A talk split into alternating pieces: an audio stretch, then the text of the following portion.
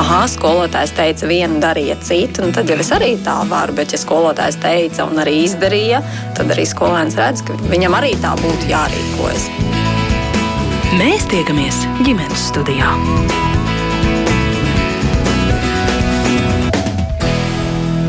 Labdien! Karš Ukrainā liek runāt un arī vērtēt, izvērtējot arī notikums pagātnē. Iespējams, ka šosinājis arī skolotājs pārdomāt, ko akcentēt skolēniem, mācot vēsturi, sociālās zinības, geogrāfiju un citus mācību priekšmetus, un sabiedrībai vai skolā iegūtās zināšanas spēja pretstāvēt sociālo tīklu dezinformācijas saturam. Man sauc Mērķis Noteņš, un studijā kopā ar mani ir teiks vidusskolas vēstures skolotājs, arī Zvaigznā BC vēstures mācību grāmata autors Valdis Klišs. Šans. Labdien! Un labdien arī uh, studijas dalībniekiem pa tālruni. Draudzīgi aicinājums Cēsvalsts ģimnāzijas izglītības metodiķim Edgaram Plētienam. Labdien! Labdien! Un arī Latvijas debašu asociācijas valdes loceklim debašu trenerim Edgaram Klētniekam. Labdien! Labdien! Jā, bet vispirms citāts no šeit klāt esošā valde Klišāna Facebook konta. Ukrainas kara otrajā dienā uh, ir rakstīts tā, es citēju, teiks jauniešu vidū absolūti nopietnību un briedums ierastajiem jociņiem. Šodien nav īstais brīdis. Skolotāji, ko darīt, ja ir ārprātīgi baiļu sajūta, jautā kāda meitene. No bailēm nav jākaunas, bailes ir dabisks, jebkuras dzīves radības instinkts, pateicoties, kuram šī radība izdzīvo. Baiļu viens no cēloņiem ir neziņa, nu gluži kā tumšā mežā, tāpēc labākās pretbaiļu zāles ir zināšanas. Lasi, seko, analizē. Tā es mēģinu mierināt meiteni. Atceraties, klišāna kungs šo sarunu. Jā, es domāju, ka tā situācija jau pa šīm dienām nav mainījusies. Varbūt cilvēki ir nedaudz pieraduši jau, jo iet, rit jau otrā nedēļa, eh, kopš notiek karš. Un, eh, Es pat lasu šobrīd, ka pat eh, pie tā sāk, lai cik tas baisi neskanētu, pie tā sāk pierast arī cilvēki, kas tieši ir fiziski saistīti ar šo karu Ukrajinā. Starp citu, gan vienā, gan otrā pusē. Uh, Tā kā, jā. Mhm, bet tātad skolēni arī tā kā lēnām sāk aprast, un šī vairs nav aktualitāte numur viens. Nē, es domāju, ka tā ir aktualitāte numur viens jebkurā gadījumā. Vienkārši skolēni sāk apra, aprast ar to, ka tā ir katru dienu aktualitāte numur viens. Tas pirmais šoks varbūt ir, ir, ir, ir šobrīd pārgājis. Kāds esmu draudzīga aicinājuma vēl gimnāzijā? Jā, situācija līdzīga. Es strādāju arī Raunas pamatskolā, un, un tur arī 9. 9. klasē bija interesi par šo. Un arī Cēsīs skolāniem ir interesi par šo, ka katrā ziņā viņi ir, viņi, viņi nedzīvo noslēgtā vidē, viņi dzird, ka par šo droši vien sarunājas mājās, visticamāk dzird arī skolas gaitiņos kolēģi sarunājamies, līdz ar to dabiski, ka viņiem arī rodas interesi. Jūs vairāk akcentējat interesi, te mēs dzirdējām, ko rakstīja Klišāna kungs, tās bija bailes vairāk akcentēts. E, jā, e, šī ir vēl viena, vēl viena lieta. Viens ir interesi, bet, e, bet jā, loģiski parādās arī šīs lietas, ko mēs saucam par tādu neziņu, bailēm, tādu tā kā apātiju, nosacīti neredzēšanu jēgu lietām. Tad šis, šis parādās kā blakne šim. Mhm. Jautājums Edgaram Klētniekam piekrītat Valdim Klišanam, ka tātad pretbaiļu zāles ir zināšanas? Es absolūti piekrītu. Es arī vēlos mazliet kontekstu pastāstīt. Tas, kas man liekas, mums visiem jāsaprot, ka jau kopš 2012. gada ASV vēlēšanām, nu, faktiski ir sācies informācijas karš starp rietumiem un Kremlu. Mēs arī redzējām tādu lielu uzplaiksnību arī 14. gadā Krimas okupācijas laikā. Tagad šis signāls ir vairāk reižu spēcīgāks. Es varu sākt vēl uz diviem arī piemēriem dalīties, mēs runājam par sociālajiem medijiem, tad pirmais ir jau mēnesi pirms kara, ja mēs skatāmies uz tā saukto interneta chatter, jeb tērzēšanu, tas ir, nu, kur ir populārākie temati, tādi aktuālākie. Tad pēkšņi ivermektīns, vakcīna bīstamība strauji vienkārši katastrofāli nokritās, Un tas, kas strauji uzlec augšā, ir uh, propaganda par NATO agresiju un visu šī dezinformācija. Tad būtībā mēs jau redzam, ka Kremlis ir ļoti ātri adaptējies un vienkārši mainījis savu stratēģiju ļoti ātri. Tas otrs piemērs arī tas bija Valentīna dienā, arī tas ir nemaldos desmit dienas pirms šī kara uzsākšanas. Ja mēs skatāmies par Twitter un tādu anti-ukraiņu sentimentu rakstiem, ierakstiem, tad tie vienkārši dienas laikā par 11 tūkstošiem procentu uzlads. Tad šis signāls ir skaidrs, ka šis agresors aktīvi izmanto šos arī sociālo mediju algoritmus, lai izplatītu savu informāciju. Un mums tas ir jāapzinās un jādara viss iespējamais, lai mēs varētu arī kaut kā cīnīties pretī ar patiesību. Jā, nu par tiem sociālajiem mēdījiem mēs tiešām vēl runāsim mazliet vēlāk, bet par tām zināšanām tiešām, ko šobrīd var iedot skola, nu tā tad ne tikai vēstures stundas, tur jau vēl sociālās zinības un geogrāfija un tam līdzīgi, kur varētu par šiem jautājumiem runāt, nu, piemēram, vai vispār šajā programmā vēstures sociālās zinības tur ir kaut kas paredzēts par to, uh, pastāstīt, kas ir Donbass karš, piemēram, kā tur tie notikumi attīstījās sākot no 2014. gada. Nē, nē, nu uzreiz, uh, man liekas, ka tie jāsaliek uzreiz tie akcenti ir nedaudz savādāk. Skaidrs, ka programmā te kā tāda nav. Uh, uh, bet es teiktu, ka šī jaunā izglītības, jaunais izglītības satura modelis, uh, kas ir apstiprināts jau otro gadu, un kas ir veidots projektā Skola 2030 ietvaros, viņš par visām šīm lietām runā nedaudz vispārīgākā, vispārīgākā veidā. Proti, šajā jomā vēsture un sociālās zinības, vai vidusskolā vēsture un sociālās zinātnes visas šīs lietas ir definētas tikai nekonkrēti. Jo, nu, jūs saprotiet, nevar veidot programmu eh, ilgtermiņā, piekārtojot eh, katram notikumam, kurš mainās. Bet katrā gadījumā tie saucamie sasniedzamie rezultāti, kas ir definēti, viņos ir runa gan par to, kas ir totalitārisms, kas ir ideoloģija, kā indivīds uh, līdzdarbojas valstī un kā totalitāra valsts ietekmē. Tas viss ir. Bet šeit, protams, ka Vis, visi, visi, var teikt, tā bumbiņa ir skolotāja pusē. Eh, un tā ir pati lielākā problēma. Es patiešām neesmu šobrīd pārliecināts, ka, ka absolūti visi Latvijas skolotāji spēj to visu realizēt. Nu, būsim realisti. Šobrīd ir katastrofāls skolotāju trūkums valstī. Katrā gadījumā eh, man kā pedagogam šis ļoti palīdz. Es esmu brīvs un eh, katrā gadījumā runājot arī par daudziem vēstures jautājumiem. Eh, zinot, kā domā jaunieši vai kādi stereotipi un mīti valda ne tikai jauniešu, bet vispār sabiedrības vietā, es uz to varu iedarboties. Uh, mācot dažādus tematus. Nu, es varbūt vienu piemēru, Jā. lai tā saruna nav tāda ļoti nekonkrēta. Nu, viens no absolūti sabiedrībā diezgan spēcīgiem joprojām stereotipiem ir uh, par šo te, ka ideoloģija, ideoloģiskais dalījums sakrīt ar etnisko vai nacionālo. Proti, Padomu Savienība tie ir krievi. Latvija mūžīgi ir cīnījusies pret to visu. Nu, tas ir tādā ļoti marginālā līmenī, bet šādas runas ir. Tos, tās mēs dzirdam ik uz soļa. Tad kā es varu šo kritisko pieeju tam veidot? Nu, pieņemsim, runājot 12. klasē par kaut vai par 1917. un 20. gada notikumiem Latvijas neatkarības kvaru, un tā skaitā arī Padomu Savienības izveidošanos, tad mēs arī skatāmies, kāda bija latviešu loma tajā visā. Un, un tā ir tā paškritiskā pieeja. Latviešu loma bija milzīga. Nu, mēs nevaram noliegt sarkano strēlnieku lomu, mēs nevaram nerunāt par latviešu čekistiem un par tiem latviešiem, kas piedalījās šīs valsts izveidē. Uh, un nevar būt ne tikai tādā kritiskā plāksnē. Mēs arī ar 12. klasi skatāmies fragmentus no lieliskās Pētera Krilova un vidas stu, fid, filmu studijas eh, dokumentālās filmas Nepareizais latvietis, kas ir par ievērojamā latviešu izcelsmes mākslinieku Gustavu Kluci. Kādā eiforijā bija tie cilvēki, kad viņi pēkšņi sev cels jaunu pasauli. Un caur to veidojas šī sapratne, ka tas nav jautājums par to, tu esi Krievs, Latvijas, Ebrejs, Igaunis, Lietuvietis, bet kad šī robeža šķirtne ir, ir vērtības. Un vēl vēl man liekas, ir viens milzīgs mīts, bet tas varbūt neatiecas tikai uz vēstures mācīšanu. Mums bieži vien šķiet, un šeit, tas ir jautājums par diskusiju un dialogu, ka nu, nosacīti tā otra puse, ar kuru mēs diskutējam, ka viņi kaut ko nezina.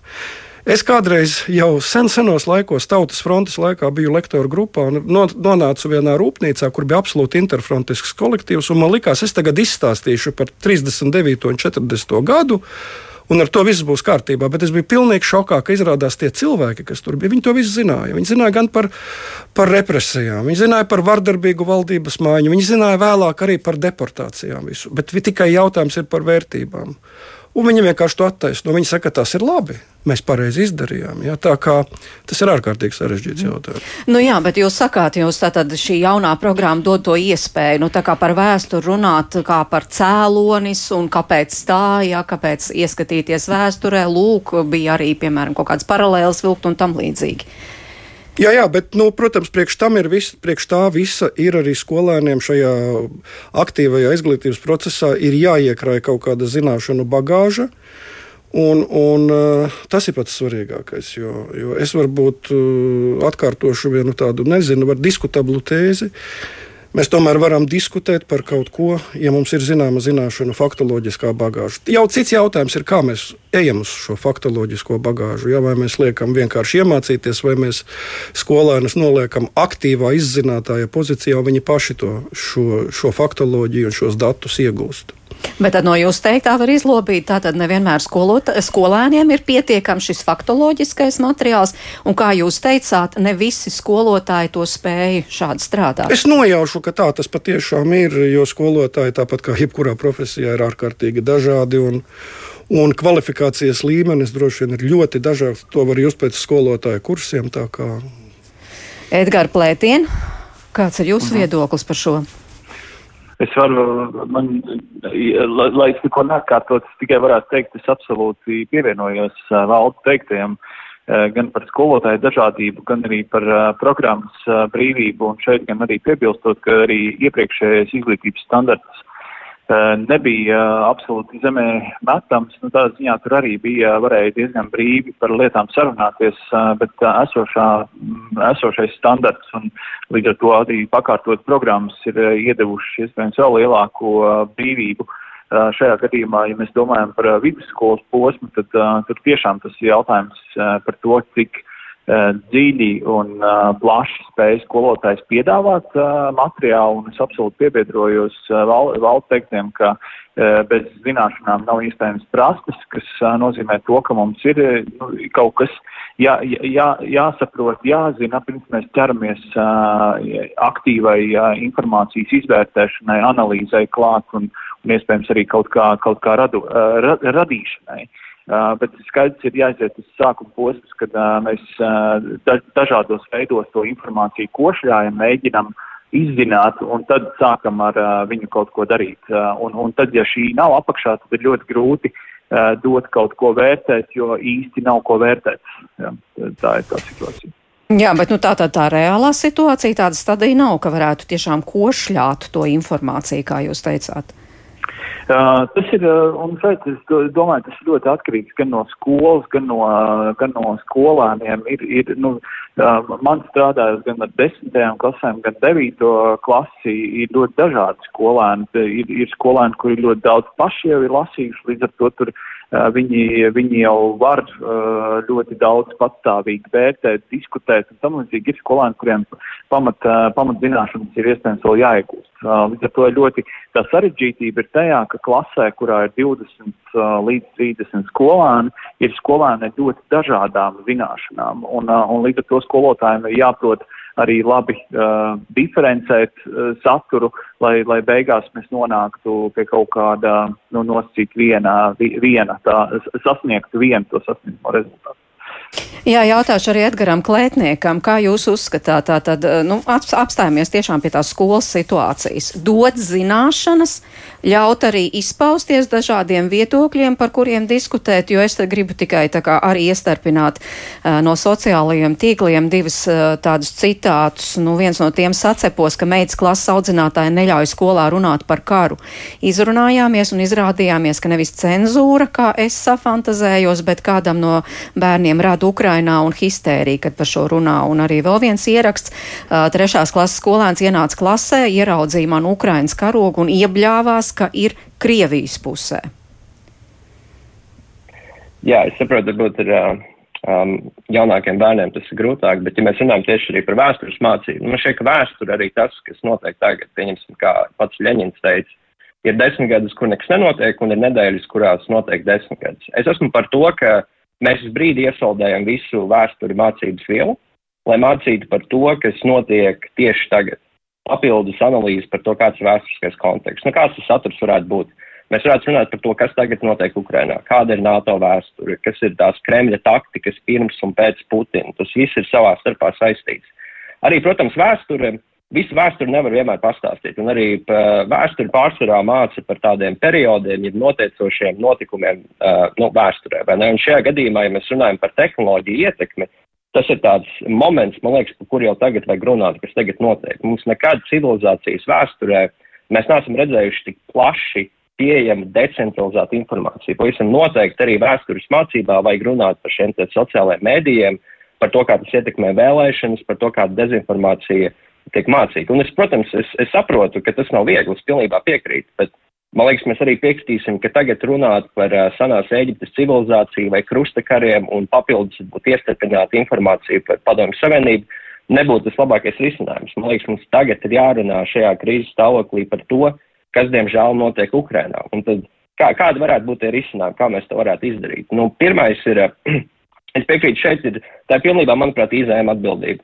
Viņiem ir maksimāli jāpalīdz skolotājiem, ir jāuztais ārkārtas situācijas projekts, kur mēnešu laikā, ja ne agrāk, mēs uztaisām pilnīgi jaunu tādu ārkārtas mācību vielu, kur tiks mācīts skolāniem vēstures stundā. Vēl viens piemērs, ko mēs varētu darīt, ir arī, es atceros, bija izējuma labs projekts Tava klase, kurus arī pats piedalījos kā mēdīju pratības pasniedzējs, mums vajag restartēt šo projektu tieši tagad un aktīvi radīt saturu par to, kas ir dezinformācija un kas ir vēsturiskais konteksts šī visa. Un uh, vēl pieskaroties tematam par šo te uh, tvītu, uh, kas tika citāts, man liekas, mēs arī nevaram aizmirst par to, ka skolās, diemžēl, arī tagad uh, rodas šis te mobbings, īpaši pret arī krievalodīgiem skolēniem.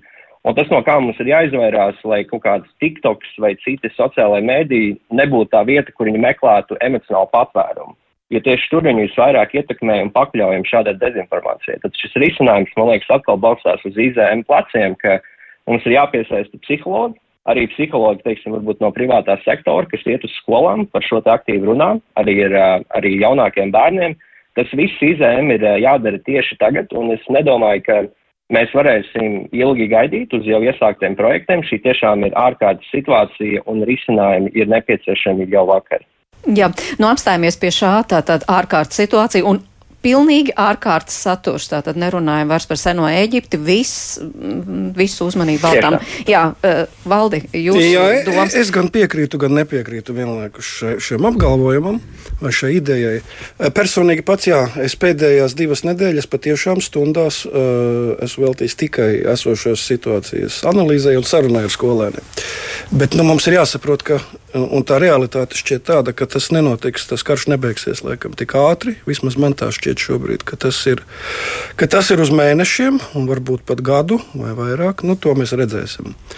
Uh, es domāju, ka pirmkārt tā, tā, tā labā ziņa no, no tā izglītības procesa viedokļa ir tāda, ka mēs varam diferencēt. Mums ir vēsture un sociālās zinātnes, un, un patiesībā te ir kā, kā vairākas zinātnes iekšā. Mēs varam runāt, tātad, protams, daļu laika gan par šo, kas notiek Bet es domāju, ka to tikpat labi, kāpēc mēs nevaram runāt citos, citās jomās. Kāpēc tieši vēsturē? Mm -hmm. nu, protams, arī vēsturē. Bet es domāju, ka vēsture ir tieši tas, kas palīdz saprast šī konflikta cēloņus. Un tad nu, es neteiktu, ka te mums jāprobežojas tikai ar, ar, ar Putina vai pēdējās desmitgades analīzi. Es kā vēsturnieks teiktu, tas, kas šobrīd notiek, kājas tam aug, es teiktu, no 15. un 16. gadsimta, par ko es arī Nacionālā vēstures muzejā lasīju lekciju, kājas tam aug. Šim Maskavas impērismam un šai idejai par to, ka Maskavai ir īpašs izredzēts no dieva stāvoklis, ka viņai ir jā, jāvāc šīs zemes ap sevi. Šis impērisms, kas savā veidā pēc tam turpinājās arī Staļina laikā, sākot ar Staļinu Padomu Savienībā. Tā visa ir vēsture. Un, ja mēs, ja mēs, nu es tikai paņemšu vienu mhm. tādu varbūt spilgtu piemēru. Vienā no pirmajām savām inaugurācijām Putinam blakus stāvēja pareizticīgais pat, patriarhs, kurā Eiropas zemē vēl mēs redzam, kā laicīgā un garīgā vara var teikt, ir kopā saplūdusi. Ja mēs šobrīd redzam, ka diemžēl Krievijas pareizticīgā baznīca atbalsta karu. Pareizticīgā baznīca, ne visa, bet, bet uh, elite katrā gadījumā atbalsta šobrīd šo politiku. Kur no kurienes tas nāk? Tas nāk no Austrumromas, tas nāk no Bizantijas, tas nāk no idejas par Maskavu kā trešo Romu. Tā kā es domāju, ka vēsturē šeit ir šobrīd tieši vēstures skolotājiem šobrīd ir iespēja, jā, pamainot programmu, pilnīgi pievienojos šai idejai, ka šobrīd atliekam varbūt eh, lielos geogrāfiskos atklājumus un, un daudzas citas lietas, bet uh, analizējam šo te austrumu Eiropas situāciju. Cik, nu, protams, tā atkal būs jautājums, cik skolotāji tam ir gatavi šobrīd. Jā, nu tiešām Mārts sākumā es, varēja. Piekrīt. Jā. Uh, Jā, jā. Drīkst, es es, es pilnībā piekrītu papildinot. Tiešām te nevajag būt tikai vēstures mācībai. Piemēram, mēs arī informātikas stundās varam mācīt par uh, viltus ziņu atrašanu, par mediju pratību. Tas, tas uh, viss arī jaunieši ir uh, lieto sociālās tīklas pārsvarā. Tas ir viena lieta. Mēs klases stundās varam dot šo emocionālo atbalstu. Tiešām es saprotu arī jauniešiem. Pie, pie, pie, piedzīvot, zināt, ka karš notiek arī tik tuvu Latvijai, noteikti ir arī tāda emocionāla trauma, par ko mums jārunā. Uh, Mēs arī sociālās zinībās varam runāt par ideoloģiju šajā gadījumā, vēsturē arī varam runāt par jau to senāko Kremļa imperiālismu. Tas nav, tas nav par to, ka mēs tagad vienu priekšmetu paņemam šo vēsturi un tur viņu uz brīdi iesaldējam. Tas, man liekas, ir jābūt tādam holistiskam, bet atkal ļoti ātram ārkārtējas situācijas risinājumam. Izglītības zinātnes ministrijai ir jāpiedalās uz risinājumus, ir aktīvi jārunā skolotājiem, ir jāsavāc šie satura veidotāji un jārada saturs jau tagad, un tīpaši kontekstā ar informācijas telpu un sociālajiem mēdījiem, kas ir kaut kas, par ko vajag runāt. Tas, tas, tas notiek tieši tagad. Jā, nu var jau arī runāt pēc stundām, piemēram, arī pagājušo nedēļu tieši Cēsvalsts, tātad draudzīgi aicinājumi Cēsvalsts ģimnāziju. Jūs organizējāt tādu sarunu domu apmaiņu par notikumiem Ukrainā, kurp tu dodies pasaule. Eh, bet es gribu jautāt, cik, cik liela atsaucība bija tieši no jauniešu vidus? Nu, piemēram, cik daudzi klasi, klausījās, jo tur tiešām ļoti schematiski un ļoti precīzi tika sakārtots, kā tur attīstījās šis Krievijas-Ukrainas konflikts vai kādas paralēlas, eh, nu, skatoties vēsturē. Un arī pēc tam debates, eh, cik liela jauniešu interesi un par ko viņi debatēja pēc tam. Uh, es, es, īstenībā tādu statistiku mēs neesam veikuši. Tāds arī nebija mērķis. Mērķis bija iedot jebkuram, kas ir piesaistīts pie skolas kopienas, piedalīties, ja viņam tāda vajadzība ir, bet jaunieši bija, es varētu teikt, kaut kādi, nu, tik cik es tā, nu, uz ādo varētu pateikt, kādi, nezinu, 20, 30%. Tā, tā, tas, tas nav ne daudz, ne maz šajā kontekstā. Bet uh, tas mērķis šim pasākumam bija iedot uh, satikties uh, skolas kopienas cilvēkiem, kuriem ir uh, laiks, uh, vieta un arī svarīgi par to sarunāties tajā brīdī un varbūt tās emocijas uh, norunāt. Bet tas, kas saistās ar iepriekšējo jautājumu, es gribētu piebilst, uh, ka šeit ļoti būtiski skatīties, par kuru vecumu posmu mēs runājam. Uh, proti, uh, vai par pamatskolu vai vidusskolu. Vidusskolā es nesaskatu vispār nekādu problēmu arī bez uh, ministriju atbalsta pašlaik skolotājiem mierīgi uh, pārkārtot programmu, jo tas, tas, tas tur ir, to var, to var ļoti labi tur izdarīt un, un paņemt, paņemt to, kas ir aktuāls, nezinu, kara koncepts vai konflikta koncepts vai, vai, vai kas cits, kas nu tas ietu riņķī un, un ņemt šos Ukrainas un arī, arī Gruzijas tajā skaitā piemērs, kas ir ļoti līdzīgi un viņus analizēt. Bet, ja mēs runājam par pamatskolu, tad man šķiet, nu kā, nu kā praktizējušam skolotājiem, tagad septītajā klasē raut nost, nu, to ceļu, kā mēs mācāmies, un tagad pēkšņi iestarpināties par, par lietām, par kurām šiem jauniešiem iespējams nav vispār nekāda uh, fona apakšā uh, un tagad, uh, nu, nu, teiksim, un nest šo konceptu iekšā, kas īstenībā uh, nav tik viegli saprotams, uh, jo tur ir vajadzīgs apakšā fons, uh, lai, lai šo kaut cik spētu saprast. Es domāju, tas nav, uh, nav vērtīgi. Uh, vērtīgāk ir par šo runāt, uh, nu, tad, tad, tad vai nu sociālās zinībās, uh, tajā pašā septītajā klasē, kur varētu šo ienest kā, nezinu, kon, kon, kon, kā risina konflikts vai kādas mūsu savstarpējās attiecības valsts un tam līdzīgi, tam līdzīgi. Uh, Uh, bet, bet domājot par vēsturi, to es uh, kā, kā skolotājs noteikti uh, pat, pats es noteikti nedarītu. Savukārt 9. klasē, kur es mācu 9. klasi, tur es šo ienesu iekšā, es viņiem arī uzbūvēju līdzīgi kā valdes atsevišķas stundas uh, par šo, mēs mēģinājām iepazīst, uh, iepazīties, kur šim, uh, teiksim, nav kājas, uh, kā tie konflikti ir līdzīgi vēsturē un tagad, kas ir atšķirīgs un kāda vispār ir lielvalstu pieeja, lai risinātu šādus uh, konfliktus. Nu, tā. Mm -hmm. Jā, bet ko par šo saka paši jaunieši? Pagājušās nedēļas izskaņā es iegriezos Rīgas 21. vidusskolā. Tā ir viena no Rīgas mazākuma tautības skolām. Pie skolas plīvo ne tikai Latvijas, arī un Rīgas, arī Ukrainas karoks, un savu redzējumu par Ukrainā notiekošo ir gatavu paust 12. klases skolēns Artjoms, Edgars no 10. klases un 9. klasnieki Alīna, Sofija un Aleksandrs. Klausāmies! Tas ir ļoti slikti. Es domāju, ka 21. gadsimta vadība var izdomāt citas lietas, nevis to, kas notiek pasaulē. Tas ir slikti. Bet kas ir tas vissatraucošākais? Kas tā kā visvairāk satrauc? Cilvēki mirst, tas nav labi. Ekas uh, vispār tur nezinu ļoti daudz. Uh, Не знаю, как сказать, разрушений. Sagrauja pilsētas. Jā, jā, jā, tas nav labi. Jā. Jā. Nu, tas ir negaidīti, jo nu, jā, 21. gadsimts tikai bija tas Covid, viņš jau it kā pabeidzās, un tagad karš. Bet nu, cerams, ka viss būs normāli jau drīz. Un kā tas būtu, jūsuprāt, normāli? Nu, ar sarunām varbūt, lai mazāk cilvēks nomirst, lai nebūtu daudz kritušos. Tas ir tiešām šausmīgi, jo es kopumā esmu pret karu. Mirst nevainīgi cilvēki, kuri neko nav izdarījuši slikti. Un es esmu par visu, lai dara, ko grib, bet galvenais, lai nebūtu karš un neviens nenomirtu. Jā, ir ļoti slikti. Nedomāju, ka tas var kaut kā notikt mūsu laikos.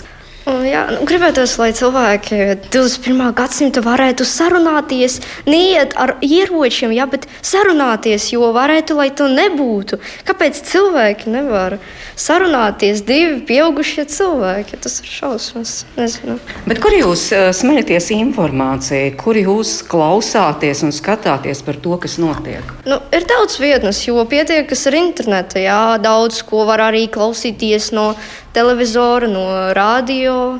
Ko jūs klausāties, skatieties, kas ir tie kanāli vai internetā, piemēram, kur visbiežāk tā informācija tiek gūta? Tiešām nevaru pateikt, jo mēs tikai kā mašīna braucam, tur kaut kādu radio skan, jā, kaut kas var dzirdēt. Ar, uh, televīziju. Tur ir tāds pats situācija, kā var atnākt pie vecmāmas. Viņa kaut ko tur klausās, kad ir ziņas, jā, varbūt tur ir Euronews.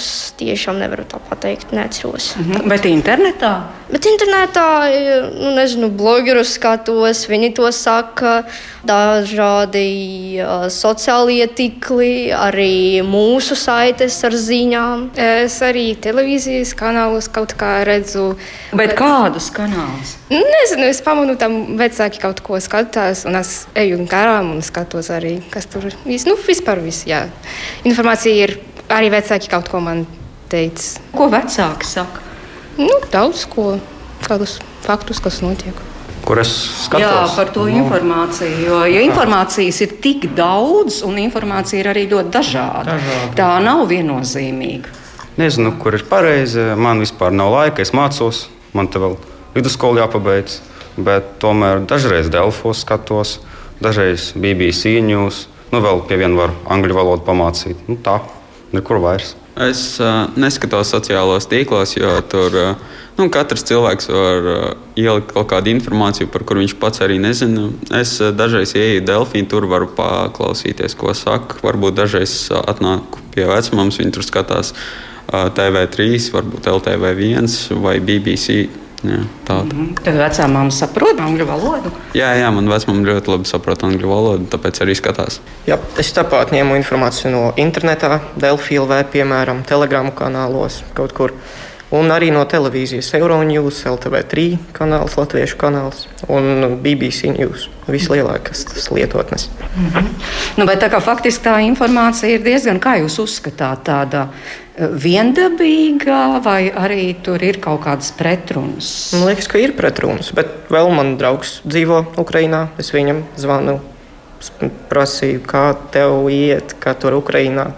Un visu to analizēju, un savu viedokli man ir. Un ko draugs saka? Ka tur ļoti grūti, jo ļoti daudz krievu vajenih ir strīļējot, nezinu, kā latviešu valodā. Šauj ļoti daudz, un viņam baili tur sēdēt mājās un gaidīt kaut ko. Jā, bet nu, jūs tomēr, es pieņemu, uz ielas runājat krieviski.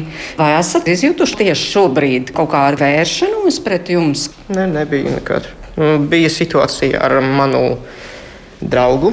Viņš strādā par kurjeru, un kad viņš deva to pasūtījumu cilvēkam, viņš runā krievu valodu, un tur bija nav tik patīkama situācija, kā gribējis.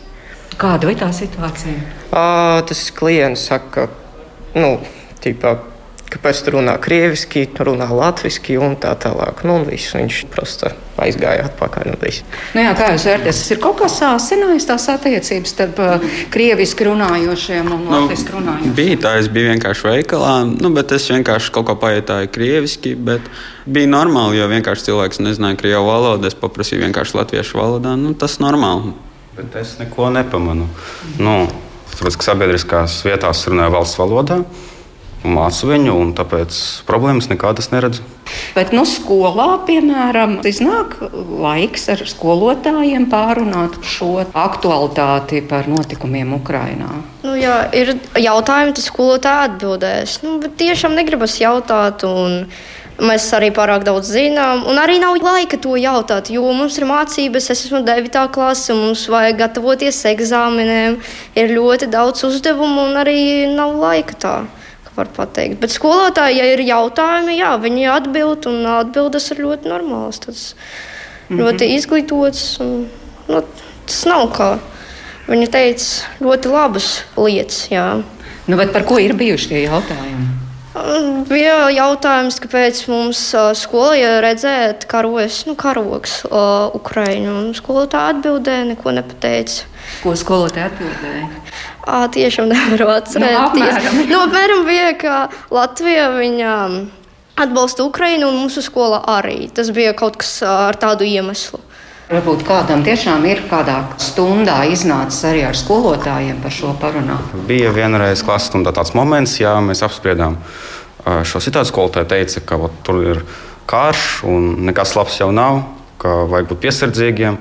Un, protams, pastāstīja par to, kāpēc mums vispār ir karoks. Tomēr es jau to zinu, esmu lasījis Delfos, ka tā ir un kam atbalstam, kā arī es, jo es vispār esmu pret karu. Nu tā, tāpēc mums visu pastāstīja, un mēs visu saprotam. Jā. Šobrīd arī cilvēki arī ļoti aktīvi atbalsta. Protams, Piemēram, tā, jūsu ģimene arī kaut kā iesaistās, jo gan šobrīd palīdzības dažādas lietas, gan arī ziedojumu un tam līdzīgi. Lasīju, jā, 4 miljonus eiro, man liekas, jau sakrāja. Un tas ir tiešām ļoti svarīgi, jo nu, tur tiešām ir elle un ka, ko ir jādara. Bet nu, par savu ģimeni nezinu, jo mēs ar viņiem runājam. Es atnāku 8 vai 9 vakarā. Tā esmu aizdarbs un iegulēju, tāpēc, diemžēl, par to neko nevaru pateikt. Nu, mums klases stundās skolotājs, protams, rāda, ko darīt, ja būs krīze, ja viss tāds. Bet es domāju, mums kā skolēniem, nu, jā, mums arī interesanti, kas notiek pasaulē, bet mēs vairāk tagad domājam par eksāmeniem, lai labi nodotos eksāmenus un uh, tālāk mācīties un uh, dzīvot labi. Man tāda paša situācija, ka puikām un meitenēm man 12. klase, man eksāmena drīz, un man vajag mācīt to, ka man vajag, ne, nevis runāt par to, kas pasaulē tulīt. Nav laika. Aha, bet par to iesaistīšanos, kā jūs uzskatāt, ir aktīvi jāiesaistās šobrīd? Nezinu. Kā cilvēki grib, ja cilvēks grib, tad uh, merci, ja nē, tad nē.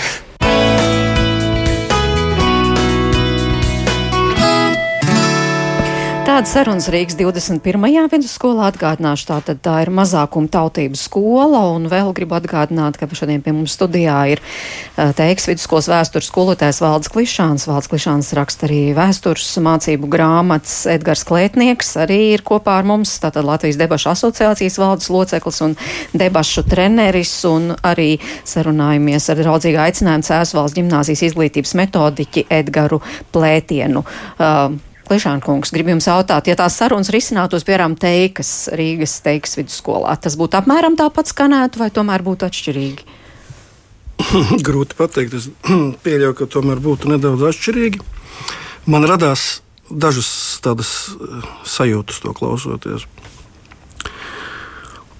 Pirmais, es jūtu vienu lielu pedagoģisku problēmu. Pedagoģiskā problēma ir šī histēriskā gatavošanās eksāmeniem. Eksāmenis kā absolūta izglītības kaut kāds pašmērķis. Nu, eksāmenis ir tikai līdzeklis.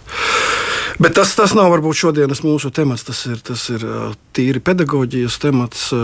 Otra lieta, protams, ka man radās sajūta, ka ir diezgan daudz tomēr jā, jauki jaunieši, bet uh, netika kaut kādā veidā definēta viņu nostāja šajā jautājumā. Skaidrs, ka karš ir slikti. Nebūs nekad nevienas puses, teik, kura teiks, ka karš ir labi. Un es, es, es šorīt noskatījos brīvajā Eiropā interviju ar krievu jauniešiem Krievijā šobrīd, kā zināms, brīvā Eiropa jau ir aizliegta Krievijā, bet nu, viņi tur joprojām strādā.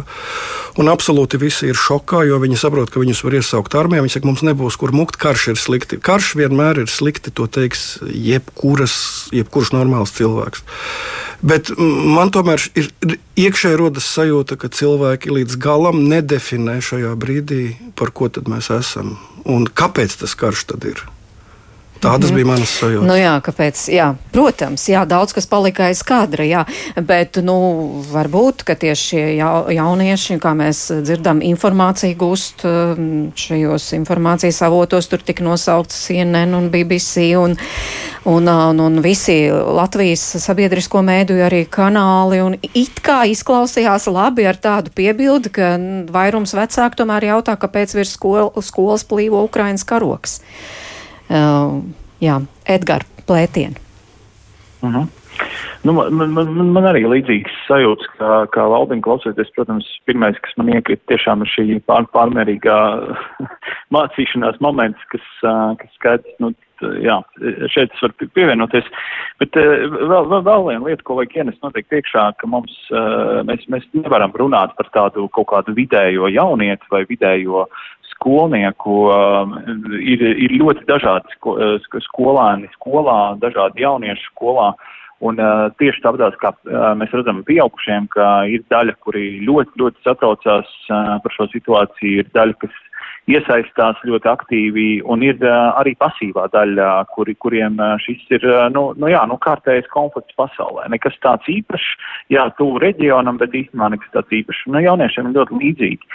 Arī, arī pats runājot ar viņiem, jūt, ka daļai tā ir nu, vienkārši fona informācija, bet daļai šis tiešām uztrauc, un, un man šķiet šī tāda normāla parādība. Tad, nu, tas atspoguļo, nu, jaunieši un skolēni lielā mērā ir sabiedrības spogulis, un viņi rāda, ka vien, vien, vieni ir tie, kuri ļoti uztraucās par šo un definē arī ļoti skaidrs savu nostāju par to, ka Uh, jā, es esmu par, par demokrātisku pārvaldību, nevis to, ko īsteno pašlaik Putina režīms, uh, bet daļa saka, jā, nu, karš notiek, bet nekādas pozīcijas nav. Jā, tie, protams, bija jaunieši, kur piekrita ar mani runāt, jo tas nav tik vienkārši. Ar vecākiem ir jāsaskaņo, kur arī vecāki piekrita par to runāt un tā tālāk. Bet Edgars Klētnieks, nu, tomēr par tiem informācijas avotiem, nu, izklausījās, nu, ļoti labi, pat vecmāmiņa. Visu informāciju smeļās no BBC. Nu, nu, protams, tas, cik reprezentatīvs ir šī atlase ar jauniešiem, kur man patīk, protams, dzirdēt, ka viņi šādas uzticamas mēdījus arī patērē. Bet nu, mums jāsaprot arī viena lieta, kas ir par dezinformāciju, ir šie jaunieši arī, nu, es nezinu, es vienkārši minēju, viņi par, patērē arī TikTok vai YouTube vai citus sociālus mēdījus. Tā dezinformācijas taktika, ko mēs redzam, ka, nu, viņi, tie Kremļa aģenti jau ir gudri, viņi nevēlas uzreiz varbūt atklāti par kādu runāt. Tas, ko viņi dara, viņi to dara apslēpti, pārsvarā balstīt uz uh, humoru. To pašu mēs redzējām arī 2015. gada ASV vēlēšanās, kad Trumps uzvarēja tādu īpaši jauniešu radikalizāciju, kur šī visa mīmu kultūra tika arī, kā lai saka, sasieta kopā ar tādu xenofobiju, vai ne? Un arī tagad, pieņemsim, mēs pastamies pāris kaut kādiem tiktokiem, tur arī tur pat astrologi runā par Krievijas varenību un tā. Un tad varbūt arī tiem jauniešiem, kuriem šī ir tāda fona informācija, tas arī šī dezinformācija to palīdz radīt tādu varbūt desentizāciju vai arī tādas šaubas radīt, ka varbūt arī NATO kādreiz ir melojis, ko viņi ir izdarījuši tur tuvajos austrumos, kāpēc varbūt tikai par Putinu mēs runājam. Nu, tas, tas noteikti nav viegli atrisināms jautājums. Nu jā, bet mēs pienākam pie šī, kā jūs minējāt, šī informācija, protams, kas, piemēram, tāds skan jaunieši tik ļoti iemīļotajā TikTok kanālā. Kā jūs teicāt, tā viņiem ir daudz tuvāka un saprotamāka, bet tad vai, vai var pretstāvēt tās zināšanas, par kurām mēs runājam, ko skolēni iegūst tur vēstures stundās un visās citās stundās pret šīm, ko tad tie sociālajie mēdīji sniedz? Jā, nu, tur, protams, patiesība var beigās vienmēr uzvarēt. Jautājums ir, kā mēs tam izdarīt. Tur ir savas atstādus trīs risinājumus pateikt, sakot tādu netik stipru līdz pašam stiprākajiem. Pirmais risinājums, nu, mums jā, atkal runājot par skolu, mēs jau runājam, ko mēs varētu darīt arī vēstures mācībās, un man liekas, Edgars arī ļoti precīzi pateica, ka vidusskolā tas būtu vienkāršāk. Uh, ja mēs runājam par jaunākajām klasēm, varbūt tur mēs varētu vairāk pievērsties mācībai par empātiju, lai mazinātu mobbingu. Mēs arī varētu runāt par uh, sociālajiem medijiem vairāk, jo no kurām pirmklasniekam vairs nav vietāluņi. Bet par to jau mēs runājam. Tad uh, tas otrs tāds ambiciozāks risinājums ir, uh, nu, mums pašiem ir jāizmanto šis TikToks. Mums ir vajadzīgi NVO vai mēdī, ir jāveido projekti, kur mēs ieņemam šo te Latvijas TikTok, sauksim to par uh, Eh, informācijas telpa, ir tirgu un, protams, arī krievu valodā. Mums šim saturam jābūt informatīvi kvalitatīvam, tam jābūt arī humora elementam, jo, kā es iepriekš minēju, tas ir tas triks, kas tiek izmantots. Eh, eh, mums tas ir jāsēs kopā ar humoru, un, protams, to nevar izdarīt bez valsts centralizēta atbalsta. Tad atkal ir šeit cerētu, ka būs kāda izēma rīcība. Tas trešais risinājums, un tas ir tas, nu, būtībā svētais grāls, kas varbūt varētu šo visu atrisināt. Ja mēs skatāmies, nu, tas ir algoritms. Ja, ja mēs skatāmies uz Eiropas Savienību kā tā saukto jauno supervaru, mums tomēr ir spēja un iespēja ar šiem TikTok vai citiem Facebook uzņēmumiem runāt un prasīt noteiktas prasības. Kādas prasības? Šiem algoritmiem, kas iesaka šo informāciju, jeb nu, šie algoritmi nosaka, ko redzēs jaunietis. Viņi ievāc demogrāfiskus datus, geolokāciju, balstoties saturu, ko tas iepriekš redzējis, mums ir jāzina, kā tas algoritms strādā. Un ja mēs pamanām, ka tur viņš uz noteiktu vietu novirzās, uz kaut kādu informācijas burbuļu radīšanu, tad šis algoritms ir jāmaina. Mums arī vajag stingrām prasībām būt, kas ir īsti aktīvi lietotāju definīcija, jo saprotam, ka liela daļa no šiem lietotājiem īstenībā ir tādi boti, jeb mašīnas, un viņa mērķis ir vienkārši tur, nu, saklikšķinātās sirsniņas vai laikus, kas tur ir, lai tas propagandas saturs uzpeld augšā. To arī ir jāregulē. Ja, ja mēs redzam, ka noteikti sociālais mēdījis ir nu, vienkārši aplenkts ar šīm mašīnām un neīstiem cilvēkiem, tad uh, varbūt viņam nav vieta Eiropas Savienībā. Ar, ar šādu, ja mēs, ja mēs neķersimies pie tās pamat problēmas, svētā grāla, jeb algoritma regulēšanas, tad uh, nu, mēs, mēs esam tādā asimetriskā cīņā pret dezinformāciju, kur man liekas ir ļoti grūti uzvarēt.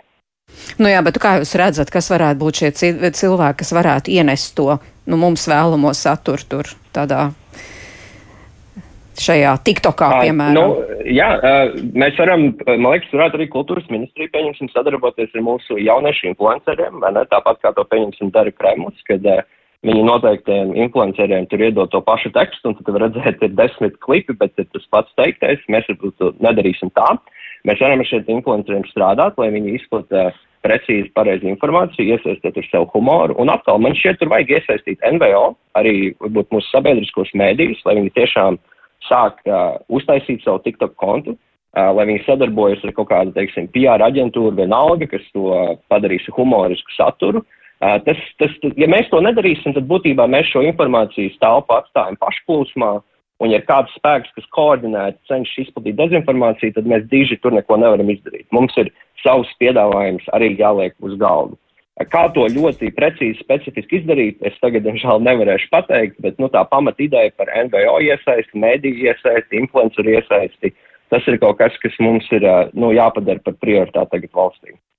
Vai šis varētu kaut kā nu, mazināt to jauniešu nostāšanos vienā vai otrā pusē, vai ietekmēt, piemēram, dažādas situācijas skolās starp klases biedriem un arī uz ielas? Mēs atkal dzirdējam, jaunieši teica, nē, nekas tāds nenotiek, bet ja mēs atkal tie paši sociālie tīkli mums saka, piemēram, no nu, es atkal citāts, mammai jau piekdien nācās zīmēšanas stundā aizstāvēt trešās klases meitenīti ar krieviskas izcelsmes vārdu un uzvārdu, kurai latviešu puika atteicās sēdēt blakus.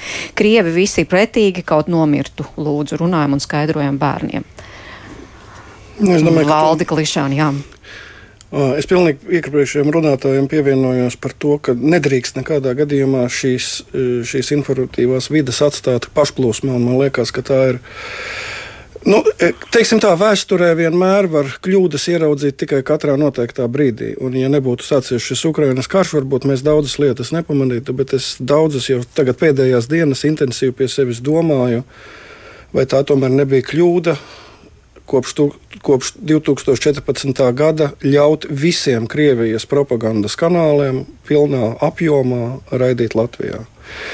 Es arī biju Ukrajinā pirms trīs gadiem, un tā kā es diezgan daudz strādāju ar informāciju Krievijas valodā, man vienkārši bija, es internetā centos atvērt Yandex meklētāju programmu, kas labāk meklē rezultātus krieviski, un es biju sākumā negatīvi pārsteigts, ka Yandex tur nestrādā vienkārši Ukraiņā. Ukraiņa nobloķēja šos kanālus. Es domāju, tas, ko jūs šobrīd minat, tas viss ir mūsu. Nu, Šoreiz es teikšu, absolūti liberālās, varbūt pārmēru liberālās politikas rezultāts. Tā kā, tā kā tagad, nu jā, nu tagad mēģi, jāmēģina kaut ko darīt. Otrkārt, es pievienojos tam, ka noteikti ir, ir šīs lietas jādara nevalstiskajām organizācijām, un es domāju, ka viņas jau šobrīd ļoti aktīvi to dara. Nu, es varu minēt organizāciju, kurā pats es esmu daudzus, daudzus gadus, un esmu bijis šīs organizācijas vadītājs, vēstures skolotāja biedrība, vēstures un sociālo zinātņu skolotāja biedrība. Šobrīd ļoti aktīvi arī Facebook savā profilā apmainās ar informāciju. Ir visādas nosacīti aktivitātes. Mēs mēģinām strādāt ar, un iedarboties uz skolotājiem un, un solidarizēties ar Ukraiņas vēstures skolotājiem. Mēģinājām uzrunāt Krievijas skolotājus, bet diemžēl tur visas šīs mūsu partneru organizācijas jau labu laiku kā likvidētas. Mēs pat to pamanījuši nebijām. Jā. Tā kā, bet katrā gadījumā. Uh, Es tikai no savas puses gribētu teikt, ka varbūt ir drusku diez vai ļoti viedi ir gaidīt ļoti milzīgas ministrijas aktivitātes. Es tieši domāju, ka ir vienkārši NVO ir jādara pašām šīs lietas. Bet pašplūsmā atstāt TikTok vidi. Es neesmu liels TikTok speciālists, bet es esmu tur ar savu skolēnu palīdzību ielūkojies. Eh, tā ir ļoti interesanta vide, kur atkal man ir stundā darbs. Nu, ja pieņemsim, tikko ir runa par nacismu tad galu galā skaidrojam, kas tas ir nacisms. Un kaut vai pilnīgi primitīvs piemērs. Definējam nacisma pazīmes un salīdzinām šīs pazīmes pret Ukrainas politisko iekārtu un pret Krievijas. Un pilnīgi primitīvs piemērs, kad cilvēks ierauga, ka tas vārds nacisms ir lietots pilnīgi nevietā, kaut vai šajā TikTok klipā. Jā, bet nu, tie etniskie konflikti kaut kādā ziņā ir sāsinājušies skolā. Jūs to jūtat? Nu, es, mums ir maz uh, minoritāšu pārstāvu etnisko, respektīvi es to īsti nejūtu nemaz. Bet Es dzirdu, bet tas būs pēc, nu, viena tante teica, pagaidām arī man nekādu konkrētu datu nav. Es pieļauju, ka tā var būt. Es arī redzu uz ielas šīs lietas, kā sāsinās. Es jau jums stāstīju, vakar, vakar es aizgāju līdz uh, piketam, kas bija atbalsts Ukrainai. Es redzēju, uh, diezgan agresīvus jauniešus, kas demonstratīvi spļāva uh, cilvēku virzienā, mēģināja iznīcināt Ukraiņas krāsās balonus. Nu, Gan arī fizisks konflikts izraisījās. Tā kā es pieļauju, ka jā, bet es domāju, ka tas atkal ir viens lielas analīzes vērts šo cilvēku uzvedība šobrīd. Es šajā agresivitātē pamanu pirmos simptomus, uz, ja tā var teikt, uz izvesaļošanos. Jūs zināt, ka daudzām slimībām tieši pirms izvesaļošanās stadijas visi simptomi sāsinās. Es domāju, šobrīd tas ir kaut kur jau cilvēku kaut kāds tāds psiholoģiski iekšējs konflikts, kas viņā rada šo te. Varbūt es esmu pārmēr optimistisks, bet man šķiet, ka varbūt tur ir kaut kas, ar ko var strādāt. Cēsis, jūs arī tāda latviska vide. Jūs arī Jā, tā optimistiski, jo te izskanēja uz tādu izveseļošanos. Jā, mums ir uh, latviska vide, uh, un es gribētu būt ļoti piesardzīgs ar šiem uh, etniskiem konfliktiem, uh, jo, jo mēs mēdzam bieži paņemt uh, viens līdz desmit gadījumus un teikt, ka šādi notiek visur. Uh, un, un, uh, Un es domāju, ka tik, tik cik pašlaik esmu gan lasījis, gan ielūkojis, gan arī runājis ar kolēģiem, tie tiešām ir ļoti konkrēti gadījumi.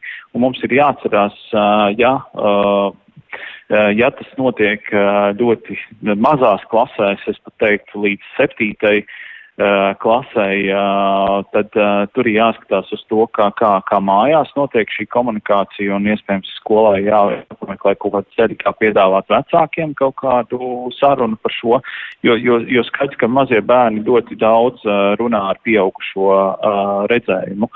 Proti tāds viens otrās, trešās, ceturtās klasītas bērns, viņš viņš noteikti atnāks uz skolu, viņš reproducēs to, kas mājās tiek uh, komunicēts. Ja vecāki, um, nu, teiksim, saka, jā, tur ir tā un šitā un šī nacionalitāte tāda un šitāda, tad visticamāk šis, šis skolāns atnākot uz skolu ļoti skaidri to, to liks, liks laukā. Un es, es nedomāju, ka tā, nu, tā ir, respektīvi, tas, tas ir iespējams darbs ar vecāku vidi, bet atbildot uz jautājumu, šī, es neteiktu, ka šī ir tāda ļoti vispārīga tendence pašlaik Latvijas skolās.